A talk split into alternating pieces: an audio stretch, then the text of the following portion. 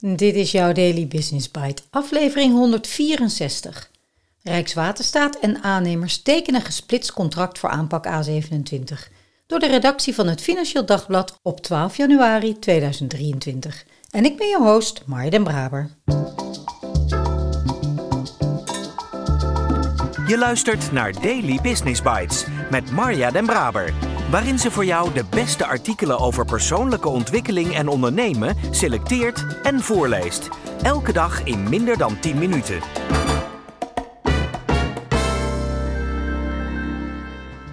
Rijkswaterstaat en de combinatie als één van aannemers Ballast Nedam en Fluor hebben donderdag in Werkendam het contract getekend voor de verbreding van het zuidelijk deel van de filegevoelige A27. Het gaat om een tracé van 40 kilometer tussen Everdingen en knooppunt Hooipolder. De overeenkomst voorziet ook in de bouw van twee nieuwe Merwedebruggen met een bewegend deel voor de binnenvaart. Dit deel is een van de drukst bevaarde binnenwateren van Europa.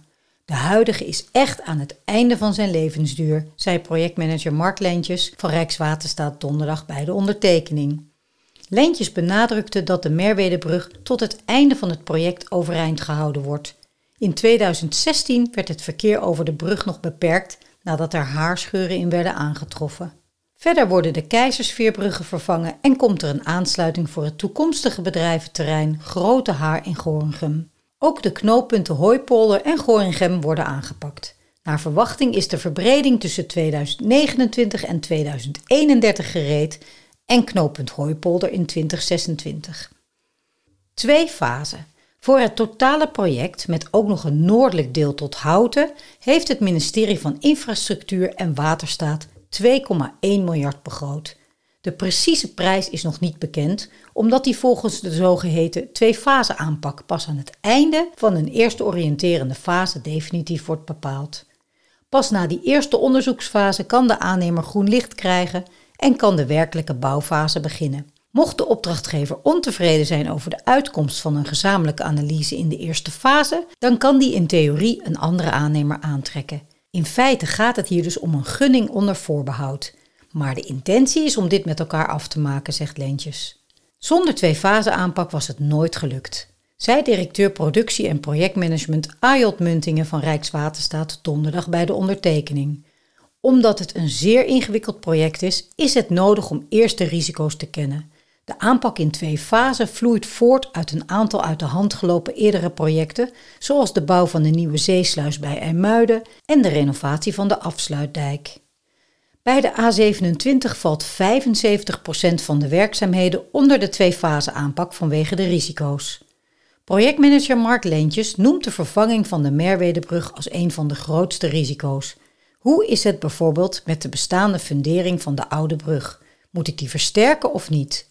Normaal zou er een vaste prijs zijn. Nu kijken we er eerst samen naar. Daily Business Bites met Marja Den Braber.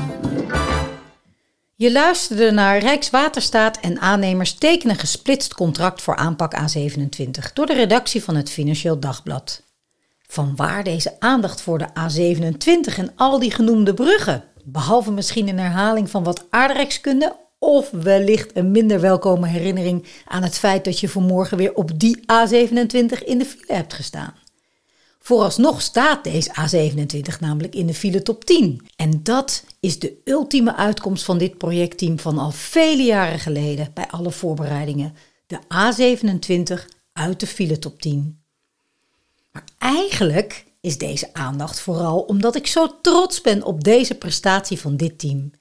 En ik voel me ook een beetje trots omdat ik voor dit project al vele jaren, zo'n drie keer per jaar, een teamsessie mag organiseren en begeleiden. Die vele jaren geven aan wat er allemaal vooraf gaat aan de ondertekening waarover in dit artikel wordt gesproken. Maar laten ook zien dat consequent investeren in een team een belangrijke bijdrage heeft geleverd en nog steeds levert. En om dan een enthousiast bericht te ontvangen van projectmanager Mark, waarin hij trots doorklinkt en waarbij hij vooral zijn teamleden benoemt en ook mij bedankt. Ja, dat is natuurlijk een hele fijne kers op de taart. In de teamsessies is altijd veel aandacht besteed aan alle factoren uit het V6-model. Veiligheid, verbinding, vertrouwen, voortgang, vakmanschap en voeding. Het model is zelfs meegenomen in de aanbesteding en de combinatie als één heeft zich dus hier ook aangecommitteerd. Je snapt wel dat ik nog even blijf glimmen. Maar welke methodiek of welk model zit er nog in jouw gedachten dat best wel eens een keer het daglicht mag zien of in de praktijk gebracht mag worden? Je kunt het gewoon stapje voor stapje doen, zo hebben wij dat ook gedaan. De eerste ideeën op papier, dingen uitproberen in de praktijk, evalueren en verder ontwikkelen. En voordat je het weet, bestaat het. Heeft het een naam en werken ook andere mensen dan jij ermee. En ik kan je verklappen, het is het waard. Voor dit projectteam gaat een volgende geweldige fase aanbreken. De uitvoering van het project waar al zo lang aan gewerkt is. En een aannemerscombinatie die inderdaad nog bepaalde dingen gaat uitzoeken, maar het hopelijk ook gaat uitvoeren. Met zonder twijfel weer nieuwe uitdagingen op gebied van samenwerking. Want hoe gaan we dit samen doen? Ik spreek je graag morgen weer.